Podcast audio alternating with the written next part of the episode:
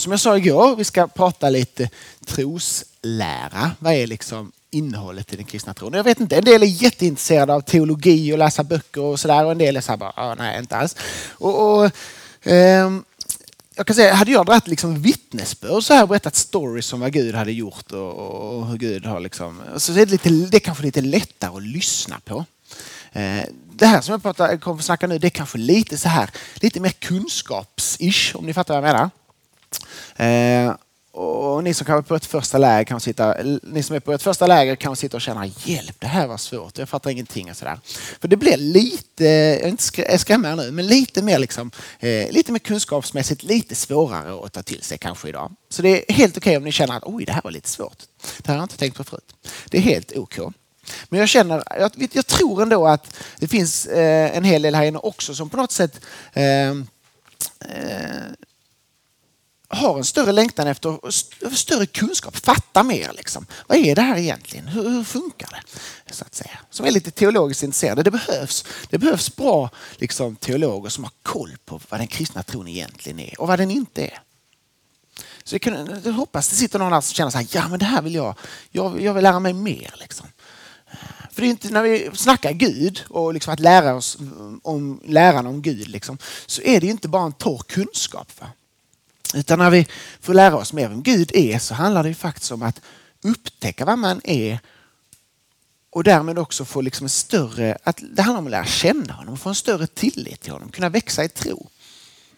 Så hoppas inte sitta och känna att vi vilken torr kunskap, vi kunde ha gjort något balt istället. Men det blir lite mer, men eh, lite mer advanced. Vi hoppas ni liksom är lite taggade på det. Är det någon som är lite taggad på det? Ja, gött. Bra, kör på det.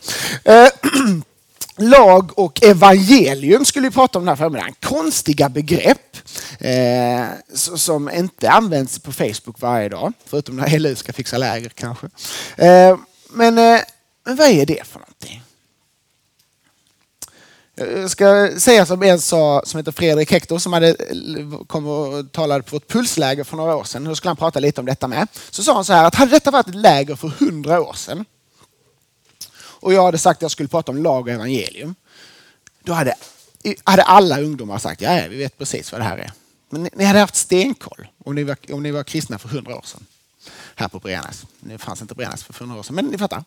Eh, och, alltså, och jag menar också att, och jag tror det är sant, att det är inte bara så att, folk, att ni hade vetat vad det är, utan jag tror att ni hade sagt så här. Att det finns ingenting som är viktigare i det kristna livet än att rätt kunna skilja på lag och evangelium. Det finns inget viktigare för en kristen att kunna göra det. Och nu hundra år senare så är det så här, vad är detta liksom? Vi vill läsa det. Eh, och egentligen eh, tror inte jag det gör så mycket, för det viktiga är inte att kunna begreppen och kunna redogöra liksom vad det handlar om. Det viktiga är om vi, om vi lever i det, om vi praktiserar det. Om vi kan skilja på lag och evangelium. Nu vet ni inte ens vad det är för någonting, så det är inte så lätt för er att hänga med. Men, men eh, jag tror eh, och hoppas och vet att Många av er kan det, skilja på vad som är lag och evangelium. Och jag tror att det är snorviktigt. Jag tror, förlåt uttrycket. Om, jag tror till och med det, man kan nog säga till och med att om man inte kan det så är man inte kristen. Nu stack jag ut hakan lite. Om man inte kan skilja på lag och evangelium så är man inte kristen. Då är man en religiös människa. Men inte en kristen. Återigen, alltså inte, det handlar inte om att kunna liksom förklara vad orden handlar om utan kunna leva i det. Och det tror jag som sagt att många av er gör, även om ni inte har en aning om att ni kan det. Så att säga. Så vad är då lag och evangelium? Eh, lagen kanske, det första ni tänker är så här, lag, men det är de här tio Guds bud. Tjoff, tjoff, tjoff. Och evangelium, det är de här fyra böckerna i Nya Testamentet. Tjoff, tjoff, tjoff. Ja, men, ja, liksom så. men ska vi prata en hel förmiddag om dem och vad de, hur man ska skilja på dem? Jag fattar inte vad det handlar om. Nej, lag har lite olika betydelser. För det första är det, är det den betydelsen, den judiska lagen. När Gud ger tio Guds bud till, till Israels folk och säger så här ska ni liksom leva. Eh, och han gav inte bara tio bud, han gav ju 613 stycken olika lagar som kommer där i Moseböckerna som Gud ger till Israels folk för att han ska, de ska vara eh, hans folk och, och, och lyda honom. Gud sluter ett förbund med Israel, Sinais förbundet. Eh, och det förbundet var liksom lagens förbund. och I princip kan man säga att det gick ut så här på att gör ni liksom det, följer ni min vilja, gör ni det som jag har sagt så, så, så är ni mitt folk, så kan vi ha gemenskap med varandra. Så att säga. Eh, Gud, som vi pratade om igår, uppenbarar. Det här är det jag vill. Det är så här jag har tänkt att livet ska levas. Eh, och det är något fantastiskt. Vi tänker lätt så här, om jag frågar så här, lag, härlig, god känsla eller mer så här, mm, nej. Är det positiv eller negativ känsla på lag? För en handuppräckning. Hur många tycker känns, oh gött lag? Upp med handen. Ja, typ sådär. Det var ingen. Och lite mer såhär, nej, får lite mer negativa känslor. Någon upphandlar? Ja, det var lite fler i alla fall. Några som inte vet, det är helt okej med. Men lag är lite negativ känsla kanske. Och, och eh, det är egentligen väldigt konstigt. Alltså, eller det är inte så konstigt egentligen, för vi tänker så här att åka fast och behöva böta och sådär. Men att Gud ger människan lagen, att Gud uppenbarar sin vilja, det är något fantastiskt egentligen. En Gud som har gjort hela tillvaron, som kan allt, vet allt, som har designat dig, som har tänkt dig, som vet hur du funkar. Han säger så här, lev så här så blir det bra. Det är något positivt, eller hur? Här sitter eh, Birgersson här, han gillar att spela fotboll. Tänk om, du, om jag har sagt så här, jag bjuder dig på, jag bjuder dig, men jag fixar en hel dag med Zlatan Ibrahimovic eh, och dig här ute på fotbollsplanen. Så ska han lära dig lite om hur fotboll går till.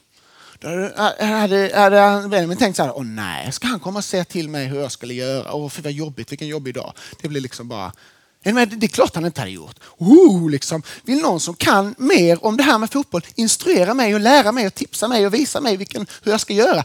Det är ju fantastiskt, eller hur? Så har du känt lite så. Ja, eh, och det är lite det som Gud gör när han ger lagen. Hallå människan, hallå, så här. Döda inte varandra. Ljug inte. Det, det är liksom, han ger instruktioner för hur vi kan leva ett gott liv. Och så sitter vi där, nej usch, nej lag, nej, det var en jobbig känsla. Liksom. Det är något positivt. Gud uppenbarar, så här är bra.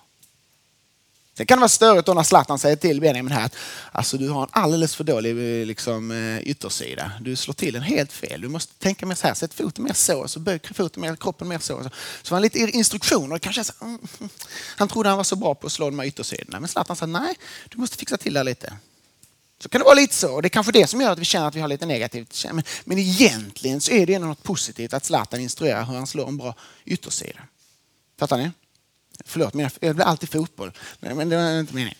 Ehm, så Gud har berättat eh, hur vi ska, ska leva. Eh, och det gör han eh, då liksom med tio Guds bud och, de här 613 lagarna. Så det är liksom en, en förståelse av, av vad lagen är för någonting. Och det som är intressant att säga är att Jesus säger ju, när Jesus pratar om lagen så säger han att ingenting av det, alltså lagen ska inte förgås. Inte en punkt säger han. Inte en prick i lagen har jag, kommer jag få upphäva liksom, utan det gäller fortfarande så att säga. Eh, så, så, så, det är liksom en, en förklaring på vad, vad, lagen är. Och ofta kanske vi tänker så när vi pratar lagen. Men det vi ska prata nu när vi snackar lagen den här förmiddagen så är det liksom inte främst teo, teo budorden bara. Utan det är liksom i en mer Eh, teologiskt, när man använder ordet lagen mer i teologin eller liksom i trosläran. Då. Och då handlar det om allt det som Gud liksom vill att vi ska göra. Allt det som Gud kräver av oss eller säger att vi ska göra. Det är, liksom, det är det, den definitionen på lag vi snackar nu när vi snackar lag och evangelium. Alltså inte bara tio Guds bud utan allting som Gud säger, gör så här. Till exempel när Jesus säger älska din nästa som dig själv. Då är liksom det begreppet lagen. Eller när Paulus säger be ständigt. Eller Jesus säger till och med kom till mig. Så är det liksom vi ska komma. Om det är något Gud vill att vi ska göra, då är det liksom lagen i den här bemärkelsen. Så att när vi nu snackar lag så tänk inte bara till Guds bud utan tänk på allting. Alla uppmaningar, alla liksom gör så här som finns i Bibeln. Det är liksom eh, samlat under begreppet lag den här förmiddagen när vi snackar lag. Okej? Okay? Är ni med på det? Toppen. Um, och hur ser vi då på det? Jo, på samma sätt såklart att det är något gott som Gud har gett oss. Gud har gett oss sin goda vilja. Han vet hur vi ska leva våra liv. Men om vi förstår bakgrunden, människans situation, så förstår vi att lagen är mer än bara lite schyssta tips på ja, men döda inte varandra så blir det bättre. Kommer du ihåg vad jag sa igår? Att var mänsklighetens problem. Vad var mänsklighetens stora problem? Någon som kommer ihåg? Ja, det gör ni allihopa, men ingen som orkar räcka upp handen för det är så tidigt på morgonen. Men jag sa att mänsklighetens problem är att vi är skilda från Gud. Gud är rättfärdig, helt ren, helig eh, och totalt kärleksfull och god. Han är så god så att liksom ingen ondska, inget som inte är gott, det kan liksom inte ens finnas i hans närhet för han är så god. Så människans största problem är brist på rättfärdighet. Brist på rättfärdighet, det är människans största problem. Mänsklighetens största problem. Och det är det som Gud vill åtgärda. Det är därför han har gett oss lag och evangelium. Så människan behöver bli rättfärdig. Eh, och det här är så oerhört viktigt att ni fattar den här biten. För det är inte självklart idag ens i kyrkan att man pratar om att människan behöver bli rättfärdig. Och att Gud liksom skulle ha ett problem med oss människor. Det känns inte så, oh, varför ska Gud ha problem med mig? Liksom? Att Gud är en arg Gud. Det säger man ibland, Gud är en vre, Guds vrede. Så, oh, nej, vi pratar inte om det. Liksom. Gud är väl god och gillar mig och förståelse och tålamod och allt sånt där. Ja, men han är också vred, säger Bibeln. Vi kan inte bara riva ut de sidorna av Bibeln. Och är det något bra att Gud är vred? Är det bra? Även om känslan är så här, åh nej. Är det något bra? Ja, det är det va? Eh, jag kan ha sagt det här förut någon gång för er som har lyssnat på mig förut, men för några år sedan så var det en eh, i tunnelbanan i Stockholm så eh, fångade övervakningskameran en man som är lite så här berusad som går på perrongen i tunnelbanan och sen så ramlar han ner på spåret. Inte någon, det gick, eh, delades massa på Facebook och Youtube och så här. Så ramlar han ner på spåret, tunnelbanan. Och så kommer en kille, mm, tittar sig omkring så här och hoppar ner på spåret. Så tänker man, åh vilken hjälte, han ska dra upp det här, det här fyllot då. Nej, då börjar han plocka, så plockar han ut plånboken, plockar på sig plånboken, nycklar, telefon och så drar han därifrån. Och så kommer tåget typ någon minut senare. Jag vet inte om det är någon som såg den, såg den filmen. Ja. Jag vet inte ni som har sett den, hur, hur ni reagerar. Liksom. Men för mig, jag blir så, du vet det bara bubblar av så här i mig. Är ni med? Han ligger där liksom, eh, på spåret. Det kommer, tåget ska snart komma och han hoppar ner, kollar sig omkring och bara plockar på värdesaker och drar därifrån. Vad skulle ni vilja göra med honom? Eller hur? Visst, visst, äh, han ska inte slåss. Men, men är ni med? Någonstans föds det någon slags vrede i en, eller hur? Är det något dumt att du blir arg på det? Oh, du ska inte bli arg. Mm. Nej, det är något positivt att du blir arg på det som är fruktansvärt och fel. När vi hör om det som händer i världen och människor förtrycks och får lida. Och... Det är klart vi ska bli arga.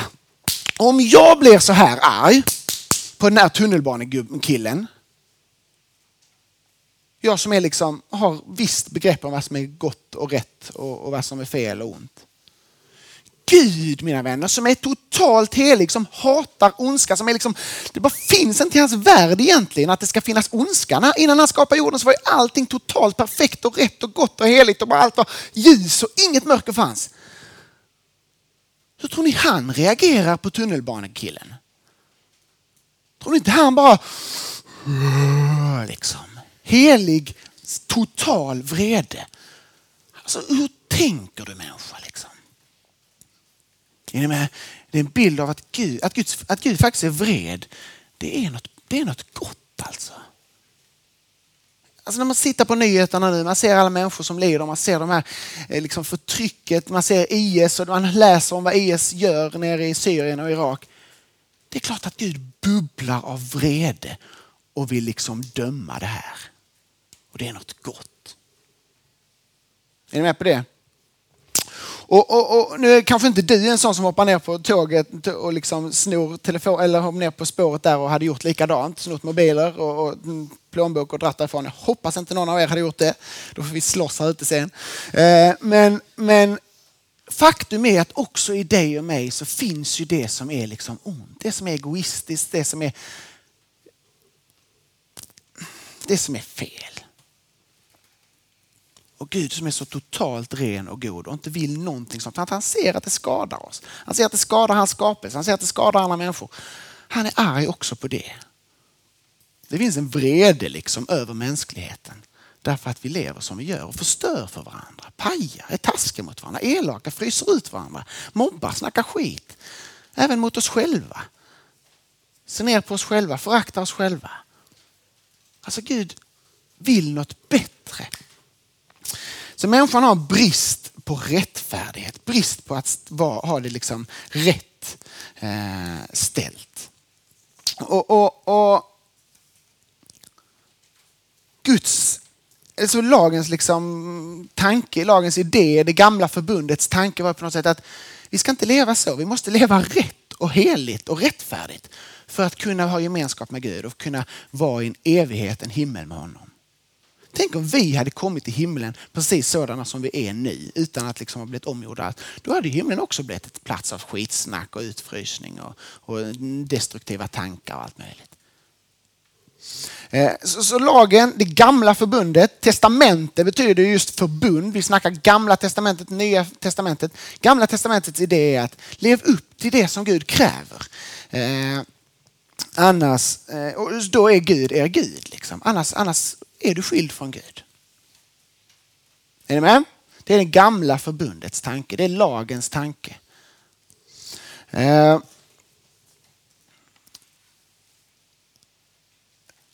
Bibeln är tydlig med det på flera ställen. Och det, är inte bara så att, att all lag i gamla testamentet och allt evangelium är nya. Så är det verkligen inte. Det finns lag och evangelium i, i eh, både gamla testamentet och i nya testamentet.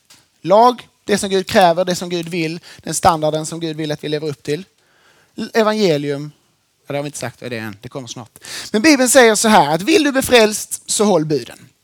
Eh, gör detta så ska du få leva. Eh, det säger Mose många gånger, det står i Gamla Testamentet. Jesus säger samma sak. Det kommer folk till honom och säger, men gå och gör det som, som står i Bibeln, så ska du få leva.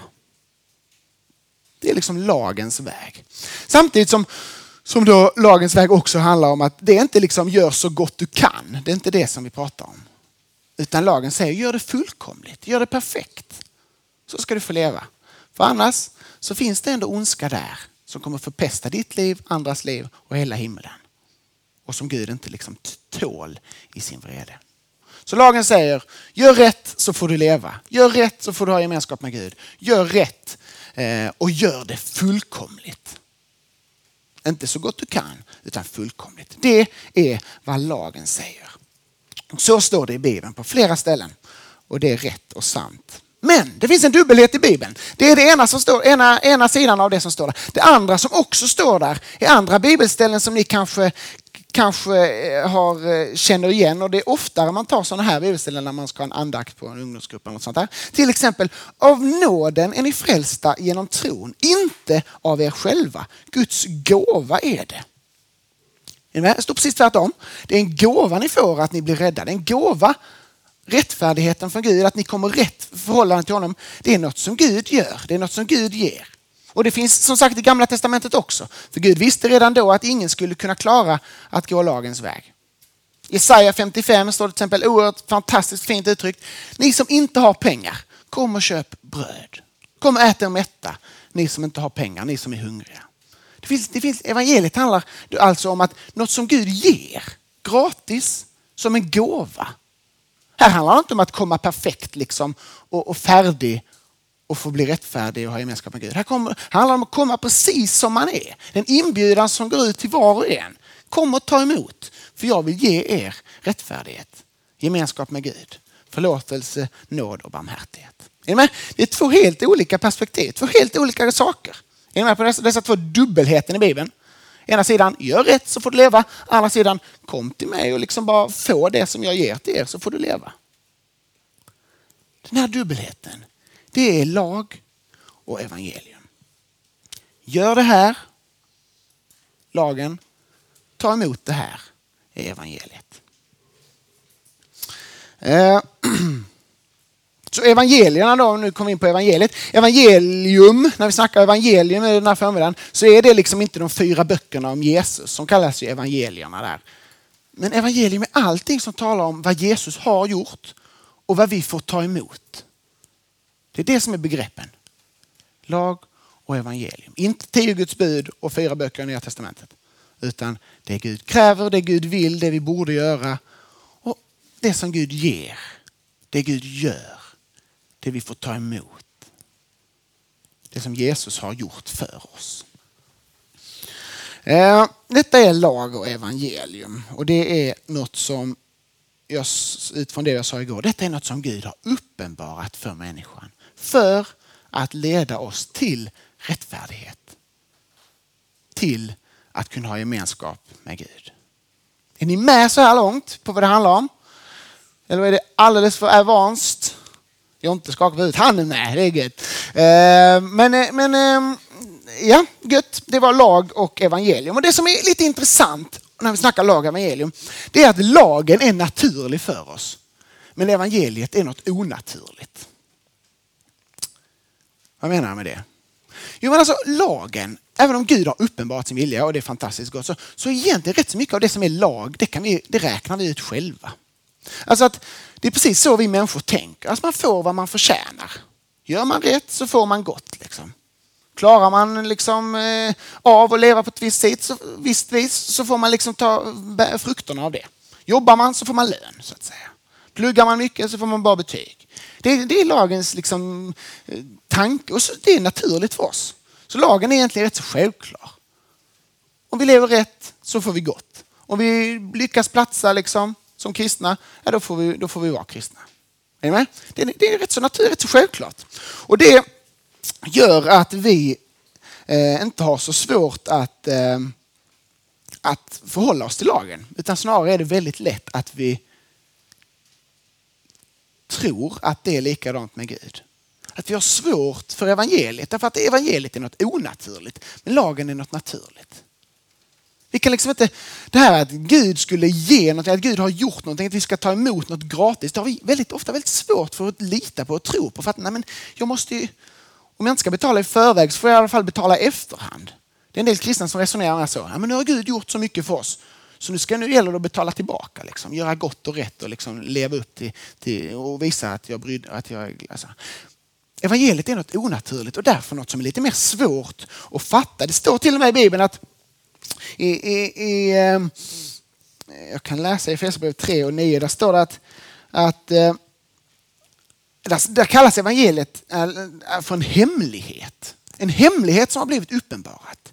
Som varit dold innan, men nu genom eh, evangeliet om Jesus Kristus har blivit uppenbart. Den här hemligheten har blivit uppenbarad. Det är en hemlighet. För det är något som vi liksom inte naturligt tänker. Vi tänker naturligt att man får vad man förtjänar. Och så har Gud den här hemligheten i evangeliet som han sen uppenbarar i Jesus. I, eh, I första Korinthierbrevet står det att det här med evangeliet det är något som ingen människa på något sätt kan räkna ut. Alltså detta är alldeles för, det är liksom helt, det är ologiskt och det är eh, för högt. Liksom. Det, är något som vi inte kan fatta själva. Men lagen däremot, den fattar vi. Det är jätteenkelt att fatta. All, det är uppenbart för alla står det. Att vi ska göra rätt och, och, och gott och, och gör vi det så får vi cred för det. Jag, nu snackar vi mycket här och mycket information, men jag, jag, hoppas att ni ändå kan reflektera att detta har med mig att göra också. Och vi ska reflektera mer sen. Men hur tänker jag? Liksom, hur tänker du i detta? Är det, är det svårt att tro på evangeliet och lätt att tro på lagen? Jag tror det. Jag tror det är så för många, många av er. Att lagen den är lätt att ta till sig. Om jag bara gör detta så blir det nog bra. Om jag bara fixar detta så, så, så, så löser det sig nog. Jag tror vi tänker rätt så mycket lag, eh, rätt många av oss. Um. Men jag tror att både lag och evangelium, det är Guds ord, både lag och evangelium är uppenbart av Gud och därför ska både lag och evangelium undervisas och förkunnas och, och, och pratas om.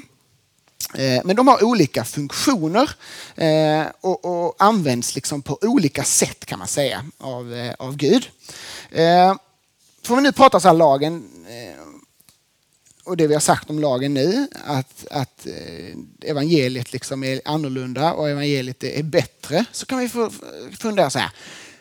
Lagen, ska vi ha den till någonting? Detta att Gud säger att vi ska göra och göra och göra vissa grejer eller att det är allt han vill. Hur ska vi förhålla oss till den då? Ska vi skippa det? Så fort vi hör någonting som Gud säger, gör så här eller läser Bibeln, gör detta, så bara, nej, nej, vi skippar det. Nej, och vad är liksom, hur ska vi förhålla oss till lagen? Det är lite det som jag vill stanna upp för eh, nu eh, ett tag framöver här. Hur ska vi förhålla oss till lagen? Ska vi skippa den? Ska vi gå in under den och lyda den?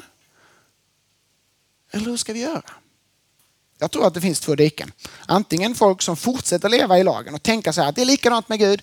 Jag ska göra för att få. Om jag, om jag liksom levererar, om jag platsar, om jag ber, om jag går i kyrkan, om jag gör massa grejer. Då, då, då får jag vara en kristen. Då lever man liksom under lagen.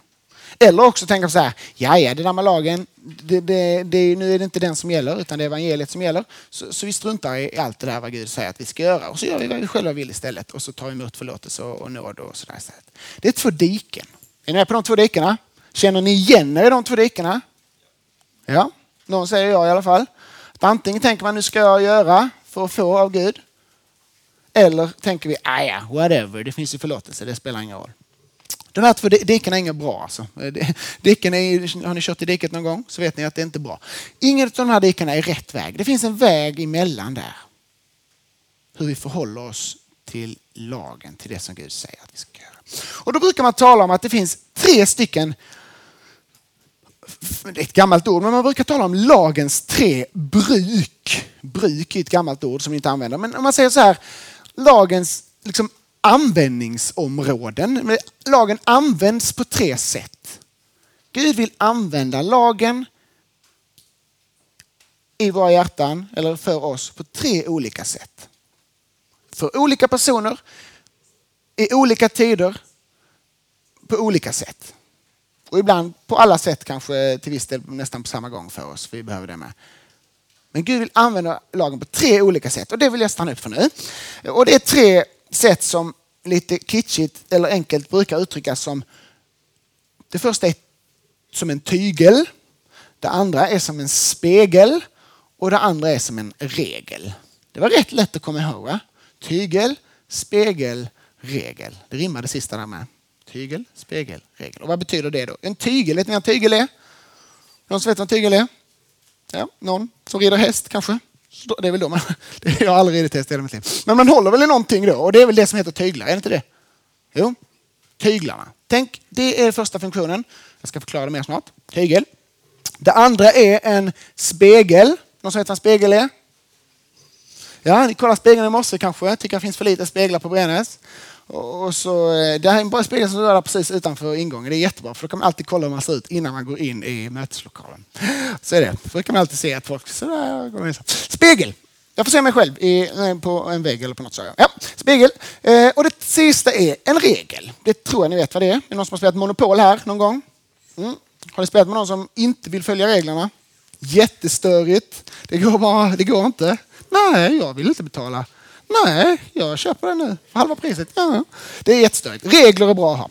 Eh, tygel, spegel, regel. De tre ska vi säga någonting om. Och så ska vi säga något ännu mer om evangeliet också.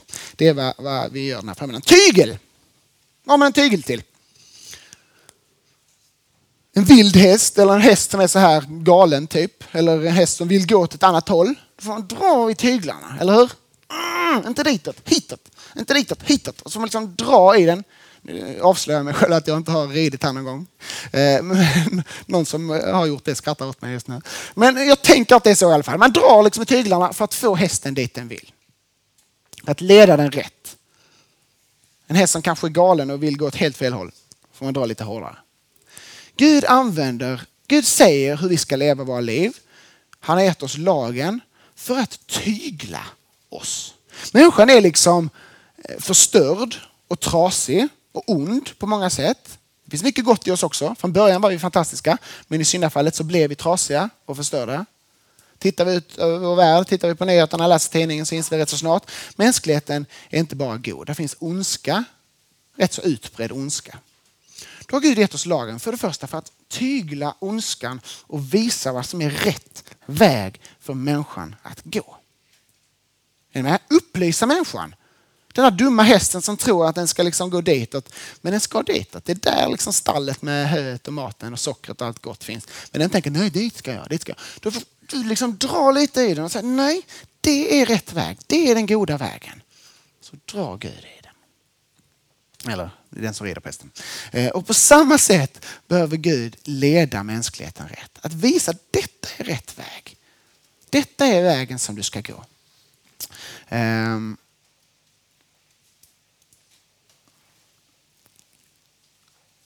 det är lite som en häst då. Att man antingen får man liksom dra, man har ofta har sådana piskor med. Det är sånt som inte Bamse gillar inte det. Att man ska piska hästarna. Jag vet inte, men det behöver man väl göra. Och så lockar man med godis så här. Godis här och piska. Godis och piska liksom, så får man det gå rätt. Och lite så är på något sätt, det är en dyster bild av människan. Va? Men lite så är vi människor med.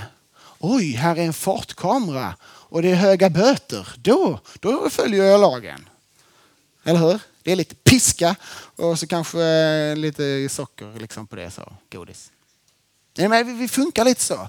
Oh, nej, men är det straff? Nej, men då, då, då, då ska jag göra rätt. Liksom. Ja, ja. Um.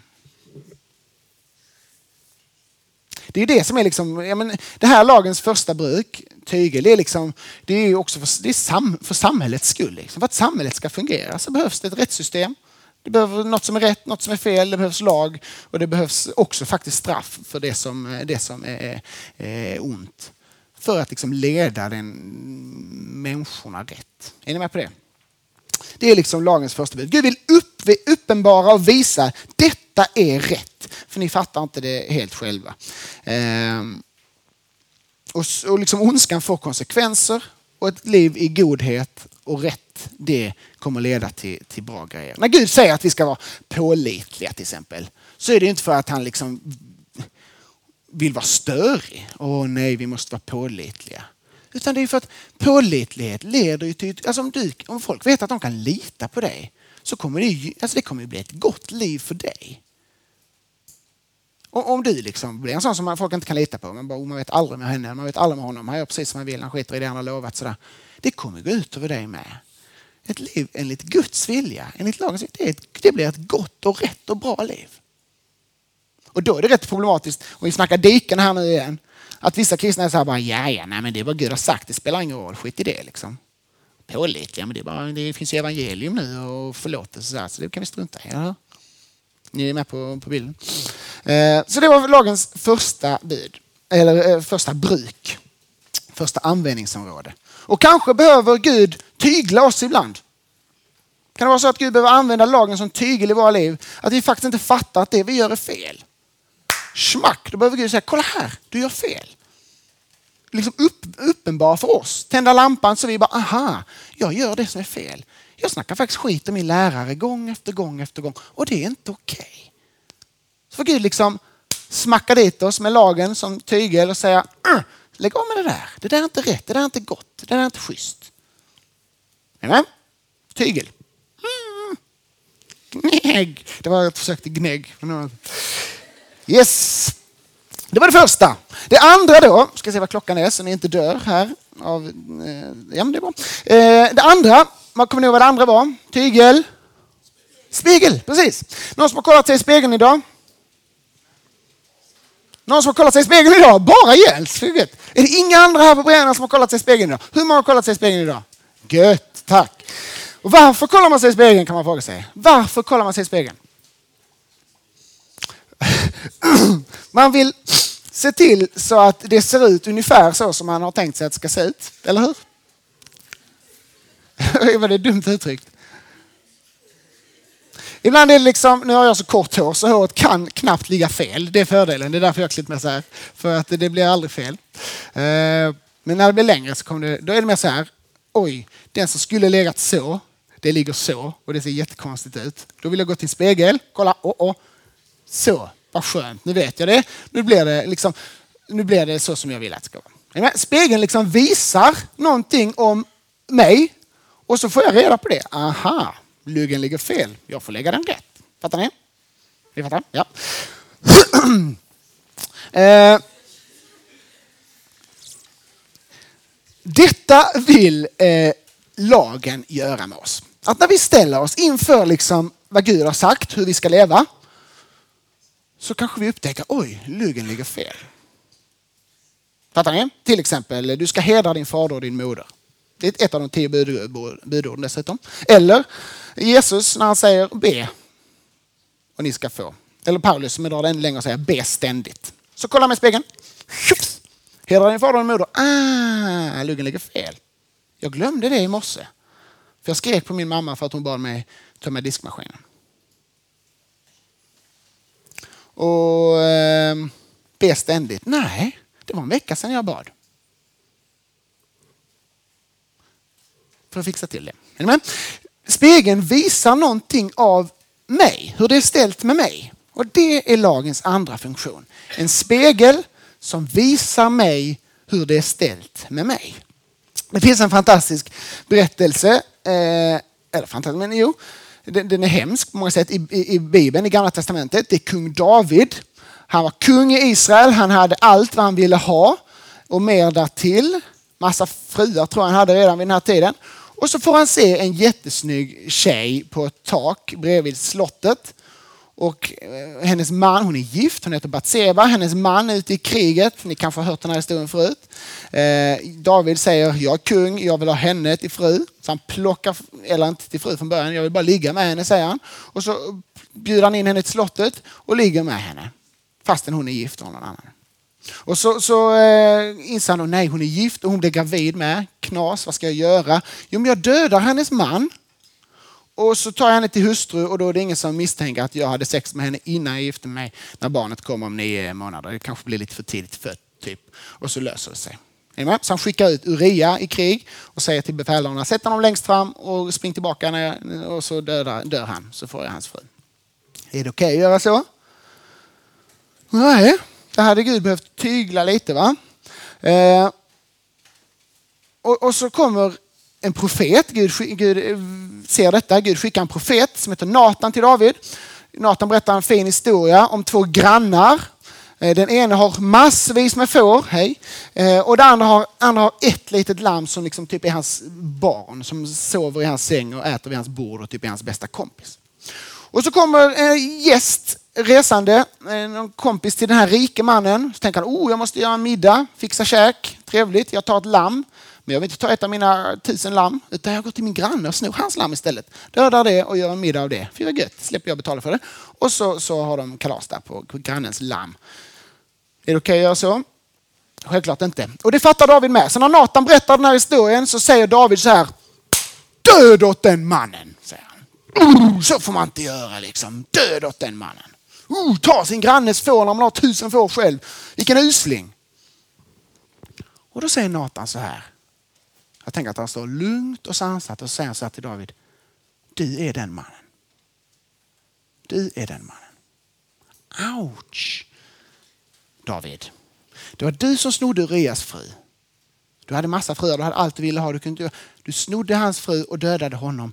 Det är du som har gjort så här. Jag kan fundera på att inte David fattade detta innan, men där bara slår det ner som en blixt från klar himmel. Okej, okay, det var jag. Det är mig han snackar om. Så får lagen bli en spegel och David får inse, och kära någon, vad har jag gjort? Och då ropar han till Gud, förlåt mig Herre. Han, är uppriktig ånger. Ta inte din heliga ande ifrån mig. Det han ber då, det är den syndabekännelse som vi ofta ber i, i kyrkorna.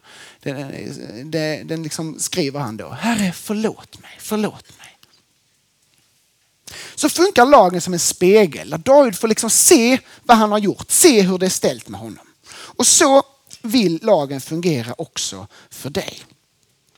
Gud vill genom lagen, genom sin heliga ande, för det är inte kunskap egentligen detta, det handlar om att Gud får verka. Så vill han, när, när du läser och ser vad du, hur, du ska, hur du borde leva ditt liv, vad du borde göra, hur mycket mer du skulle kunna göra, hur mer frimodig du skulle kunna vara, hur mycket mer du skulle kunna vittna för dina kompisar med Jesus, hur mycket mer du skulle kunna hedra dina föräldrar, hur mycket mer du skulle kunna mm, göra massa grejer. Så vill Gud använda det som en spegel för att du ska se, oj, här är inte riktigt rätt ställt här inne. Jag skulle kunna göra så mycket mer. Jag håller inte måttet. Jag platsar inte. Jag är inte rättfärdig. Det är detta Jesus är ute efter mycket i bergspredikan i Matteus 57. Då, då pratar han ju, säger han ju det här, ni har hört att det är sagt att ni inte ska dräpa.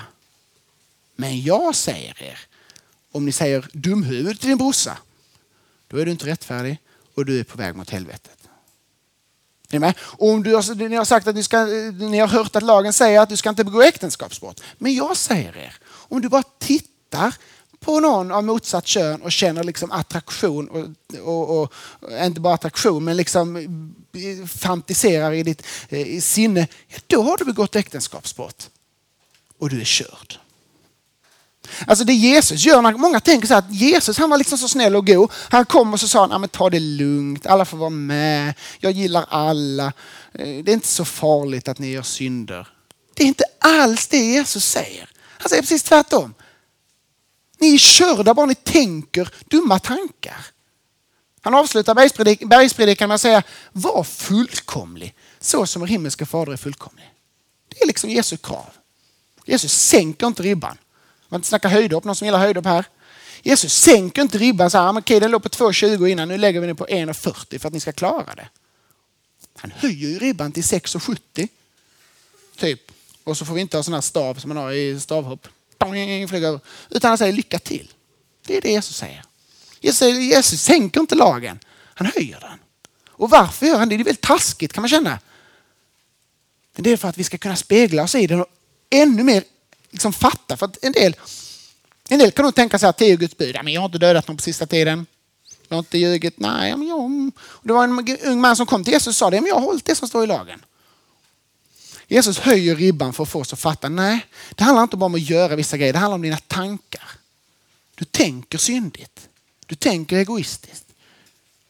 Är ni med? Han, han liksom höjer ribban för att få oss att fatta hur det är ställt här. Att vi får spegla oss i lagen och inse att oj, här är inte alls som det borde vara. Paulus är inne på detta i Romarbrevet som är ett rätt svårt brev. Där skriver han, skriver han till och med så här att lagen, den dödar mig. Lagen dödar mig. Vad menar han med det? Lagen är god. Gud har gett lagen. Det är något positivt. Eller hur? kommer ihåg Zlatan kommer här och berättar om vi ska leva. Det är något fantastiskt. Och så säger Paulus att lagen dödar honom. Vad menar han med det? Jag fortsätter där i Romarbrevet 7 och skriver allt det jag vill göra, det gör jag inte. Och det jag inte vill göra, det gör jag. Och det är därför att lagen visat sig för mig som jag fattar detta. Därför dödar lagen mig. Jag är körd. Han säger, vem ska rädda mig från denna dödens kropp? Utbrister Paulus. Jag är körd. Spegeln är en tuff grej. Ehm, för den avslöjar och visar oss hur det egentligen är ställt med oss. Ehm, Romarbrevet 3 och 19 slår fast det rätt så tydligt. Ehm, men vi vet att allt vad lagen säger, det talar den till de som har lagen för att var mun ska stoppas till. Det är det som händer när man ser sig själv i spegeln. Oj. Var mun ska stoppas till och hela världen står med skuld inför Gud. Ty ingen människa förklaras rättfärdig inför honom genom laggärningar. Genom lagen ges insikt om synd. Är? Det är lagens funktion. Att ge insikt om synd. Att göra rätt, göra gott, massa bra grejer. Det är inte vägen till rättfärdighet menar Bibeln. Utan det är ett redskap för att Gud ska stoppa till munnen på oss. Så att vi fattar att vi kanske inte ska vara så kaxiga. Vi lever kanske inte så rätt som vi tror. Och ge insikt om synd. Aha, det är så det är ställt med mig. Vi är hjälplösa. Eh, vi är liksom under Guds vrede eh, om, i oss själva så att säga. Och det är när den helige ande, när Jesus eh, lovar att den helige ande ska komma efter att Jesus har lämnat. Vad säger han att den helige ande ska göra? Vad säger Jesus att den helige ande ska göra? Ge oss goa lovsångskvällar, sköna känslor, mysiga bönestunder. Han säger så här, den helige ande ska överbevisa världen om synd. Så den heliga ande är det som jobbar med oss och genom lagen för att få oss att se hur det är ställt med oss. Det är den helige andes verk i oss. Så känner du dig någon gång så att jag platsar inte, jag, jag kan inte det här. Då är det inte omöjligt att det är den heliga ande som har jobbat med lagens andra bruk i ditt hjärta. Ehm, tänk tanken att vi ska stå ansikte mot ansikte med en helig Gud. Känn, känn den känslan. Tänk, tänk den känslan. Det är en rätt så skrämmande tanke. Hur ska jag försvara min egoism? Liksom? Hur ska jag försvara det jag har gjort? Inför Gud, den helige. Nu kanske vi ofta har en bild av Gud att han bara är en mysnalle. Men Bibeln målar inte upp Gud så bara som en mysnalle. Utan som en helig, till och med fruktansvärd står det ju. Det använder vi som något hemskt. Och det är, men att värd fruktan. Eh, eller lite mindre odramatiskt som jag sa. Det här, jag duger inte, jag klarar det inte, jag platsar inte, jag bryr mig inte, jag är egoistisk och feg och inte sån kristen som jag borde vara. Martin Luther han sa så här. Att det är när du känner så, det är då du är som mest värdig att vara en lärjunge till Jesus. Det var väl konstigt sagt. När du känner så, det är då du är som mest värdig, inte som minst värdig. Det är inte så att men då platsar du inte, utan då är du som mest värdig. Vad menar han med det?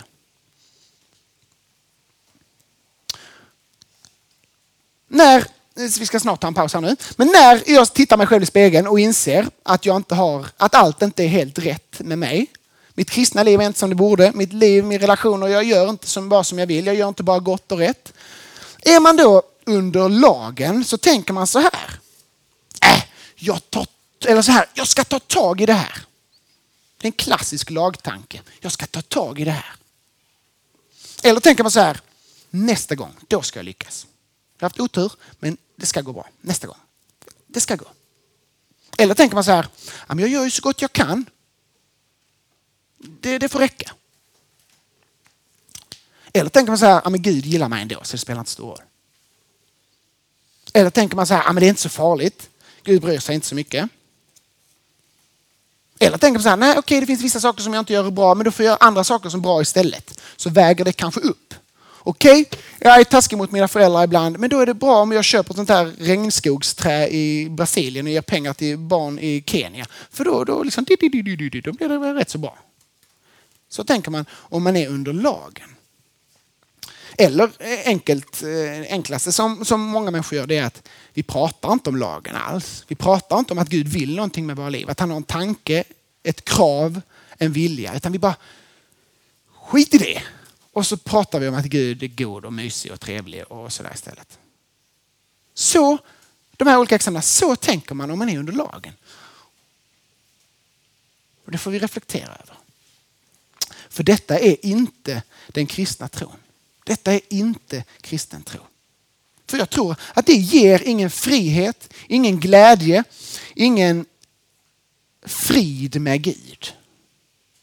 Jag tror inte det gör det. Jag tänker att jag ska, det ska bli bra någon gång när jag är 19. Då, då kommer jag leva ett sånt grymt bra kristet liv. Och då ska jag läsa Bibeln. Då ska jag vittna för mina kompisar. Och då ska jag bli frimodig. snart liksom. Det ger ingen frimodighet. Att sopa lagen under mattan och säga nej, nej, strunt i det. Det ger ingen glädje. Så det är inte kristen tro, det är någon slags halvkristendom. Där man snackar kristna termer men man plockar bort kärnan. Det är religion istället. Så lagens andra bud, spegeln, vill på ett sätt krossa dig. Vill få dig att fatta att det här är inte bra. Det är kört. Den här tunnelbanevreden som Gud känner och som jag känner av snubben i tunnelbanan, som Gud såklart också känner, den är faktiskt över mig om jag står ensam inför Gud. Det är vad lagen vill göra. Krossa mig. Paulus säger att den dödar mig. Men inte för att Gud vill liksom vara taskig mot oss. Utan när vi är krossade, när vi inser hur det är ställt, då vill han uppenbara något annat för oss. Och det är det som kallas evangelium vad Gud gör, vad Gud ger, hur Gud vill ta emot dig och vad Gud har för erbjudande till dig. Därför att han har gjort något. Inte för att du har gjort något.